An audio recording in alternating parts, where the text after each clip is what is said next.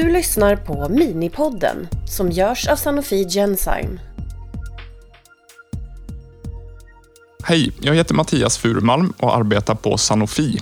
Idag sitter jag här på Sanofis huvudkontor i Stockholm för ett samtal om sällsynta sjukdomar.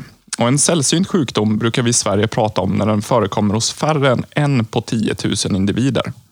I Europa handlar det således om flera miljoner människor som är drabbade av en sällsynt sjukdom. Idag ska vi lägga fokus på Fabrys sjukdom och detta är en ärftlig kronisk sjukdom i ämnesomsättningen som gör att man får försämrad funktion eller i vissa fall till och med en brist på ett enzym som bryter ner en typ av fettämne. Det här gör att man kan få skador på de delar av kroppen där detta fettämne lagras in, till exempel hjärtat eller njurarna. Med mig idag har jag en gäst som är med på telefon till följd av covid-19 pandemin och hon är expert på hur det är att leva med den här sjukdomen. Tarja, vill du presentera dig lite närmare? Hej Mattias! Hej Tarja! Jag heter Tarja Schaffer och jag är 57 år. Jag har haft min diagnos av Fabris i tre år. Men jag har levt med det i 57 år. Jag bor i Sundbyberg. Jag är IT-samordnare till vardags. Jag bor med min man i en lägenhet. Sen har jag tre barn. Jag är ordförande i Fabryföreningen. För det var den första föreningen, eller första jag gjorde när jag fick min diagnos i januari 2017. Det var att gå med i föreningen och idag sitter jag som ordförande. Spännande. Varför tycker du att det är viktigt att vara med i en patientförening, Tarja? Min tanke var att uh, jag åkte in på en räkmacka för det var en släktutredning. Och uh, då började jag googla. Google is my friend brukar jag säga. Och, men det fanns liksom inte information på svenska på samma sätt. Och då dök den här sidan upp om patientföreningen. Och då bara kände jag att okej, okay, det finns människor i Sverige som har samma sjukdom som jag, så det är klart att jag ska söka upp dem. Och det gjorde jag och jag gick med i föreningen ganska snart. Och det handlar ju faktiskt om trygghet att kunna prata med människor som har samma symptom som jag, som förstår mig på ett helt annat sätt. För man har haft grejer hela livet som man har bara trott att det var normalt, men det var ju faktiskt inte normalt. Och då är det en trygghet med, med patientföreningen såklart att känna att man, att man har likasinnade som man har kontakt med. Ja, och så kan ge råd och tips. Och det handlar ju också någonstans om att jag kunde ju sitta och prata med en kvinna som kunde berätta sina symptom och hur hon mådde och sådana grejer som jag också kunde relatera till. Ja. Det kan ju vara sån skillnad på symptomen som man har. Vissa har ju dem väldigt kraftigt, andra har det lindrigt. Men jag menar just det där att det du har, det är symptom från sjukdomen och det, det här kan man få hjälp med. Ja. Det är väl det som är det viktiga. Jag måste nästan få börja med att fråga dig här innan vi kommer längre in i samtalet också. Hur, hur har den pågående covid-19-pandemin påverkat dig? Jag kan säga så här, jag var ganska nonchalant i början. Jag tänkte det där drabbar inte mig. Jag är inte rädd för den där.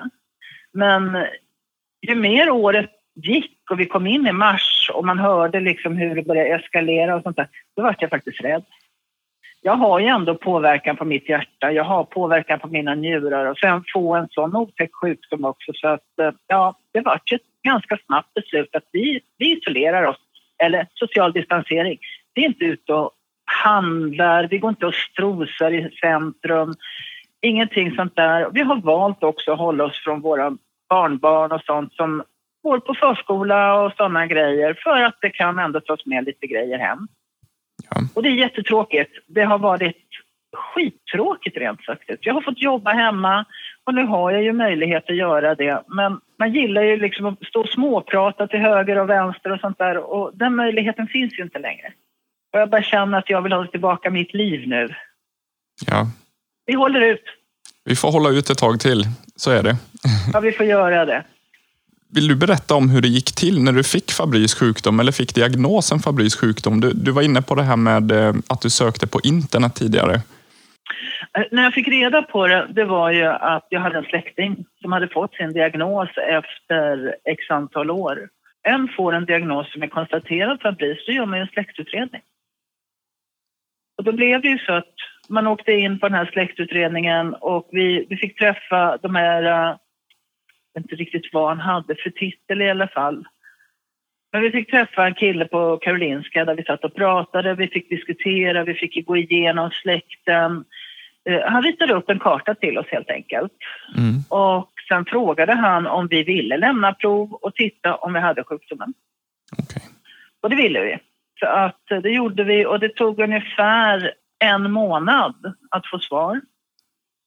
Så jag måste ändå säga att jag är väldigt imponerad av hur man skötte det här på Karolinska ändå. För att från att den första fick sin diagnos till att vi sista fick dem, det tog två månader. Okej, med hela släktutredningen och genomgång av nära och kära. Ja. Jag var faktiskt utomlands när jag fick min diagnos. Så Okej, jag fick det via telefonsamtal. oj. Ja, men det var varmt och gott då i alla fall. Det var mitt i vintern så det var varmt där nere där vi var. Lite speciella omständigheter ändå. Ja, jo men det var det ju. Men samtidigt var det liksom att det, ja, jag kunde ändå koppla ifrån och så där. Jag tar det där när jag kommer. För ganska snart efter det så fick jag ju träffa läkaren på Nya Karolin, eller inte Nya Karolin, på Karolinska. Det tog väldigt många semesterdagar det året till att göra undersökningar. Okej. Vad Vi körde igenom från topp till tå. För att titta hur den hade påverkat. Den här sjukdomen är ju ändå så pass speciell. Då fick jag göra massa undersökningar. Vi fick göra MR på hjärnan, MR på hjärta, vi kollade njurarna. Jag fick gå till ögonläkaren som kollade mina ögon. Jag fick gå till öronläkare som kollade hörseln. Är många av vitala organen som blev påverkade av det här. Det låter som känsla var det väl. ett, ett väldigt kämpigt år du gick igenom där. Med genomgång av hela kroppen låter det som. Ja. Och det är ju så här, äh, man fick ju gå med den här EKG-apparaten. I- Man började en fredag eftermiddag så hade man den över hela helgen.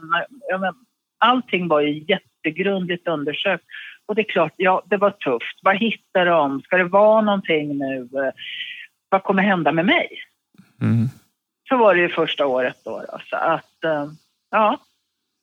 Men jag fick ganska bra förklaringar. Jag fick eh, reda på hur min kropp mådde. Och ja, så fick jag ju reda på att ja, men den det fanns ju vissa grejer.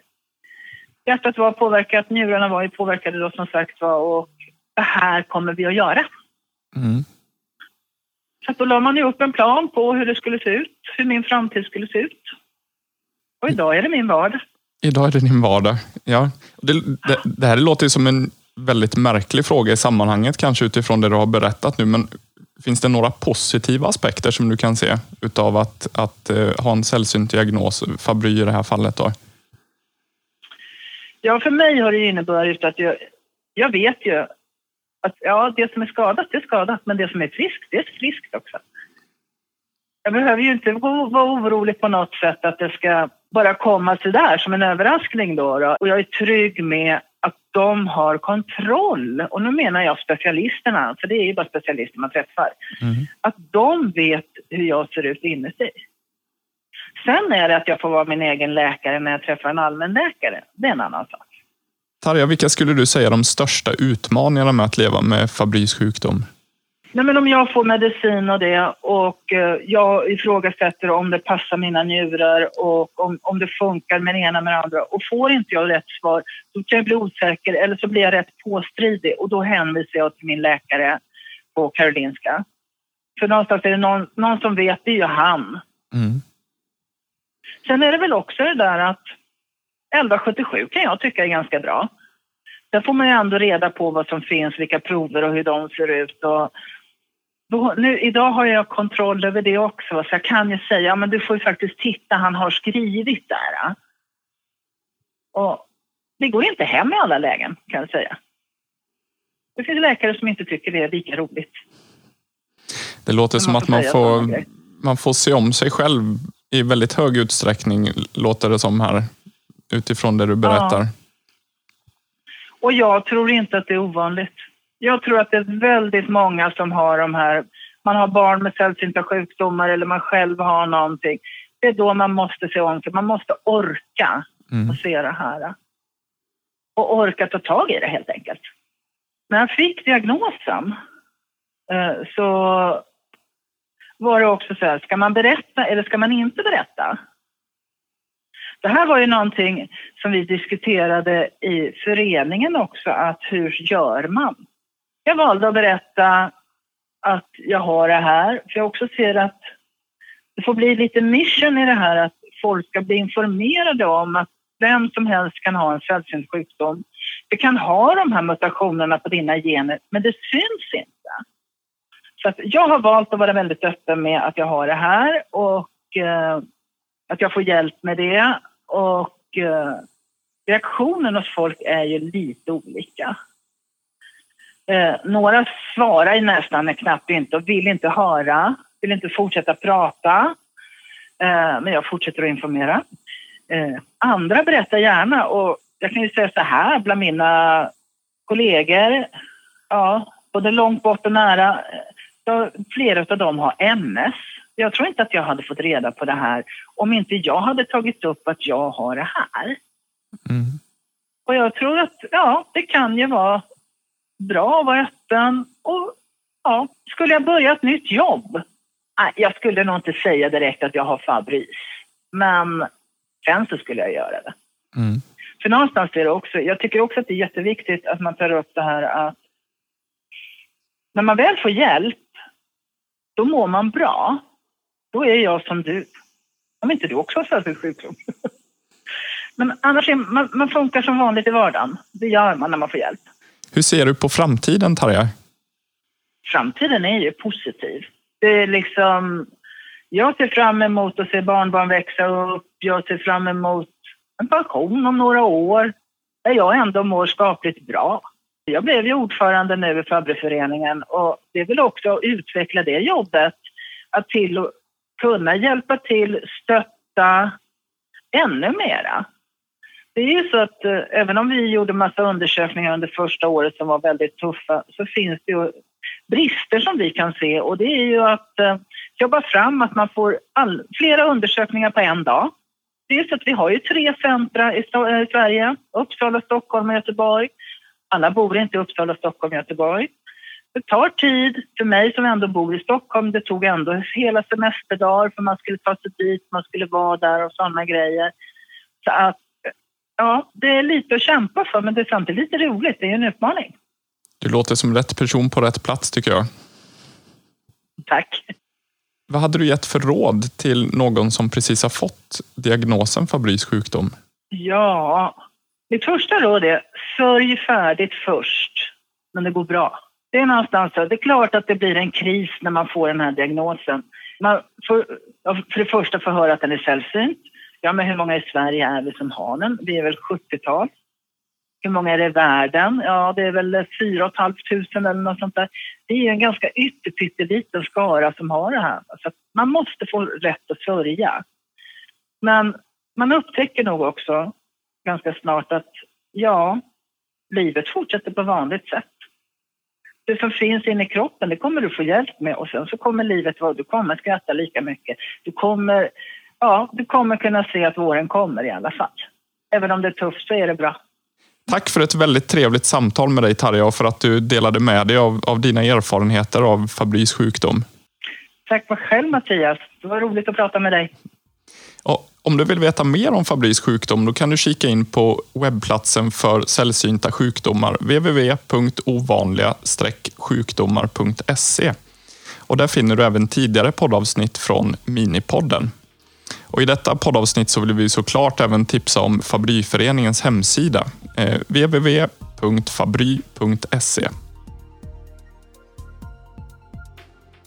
Du har lyssnat på Minipodden som görs av Sanofi Genzyme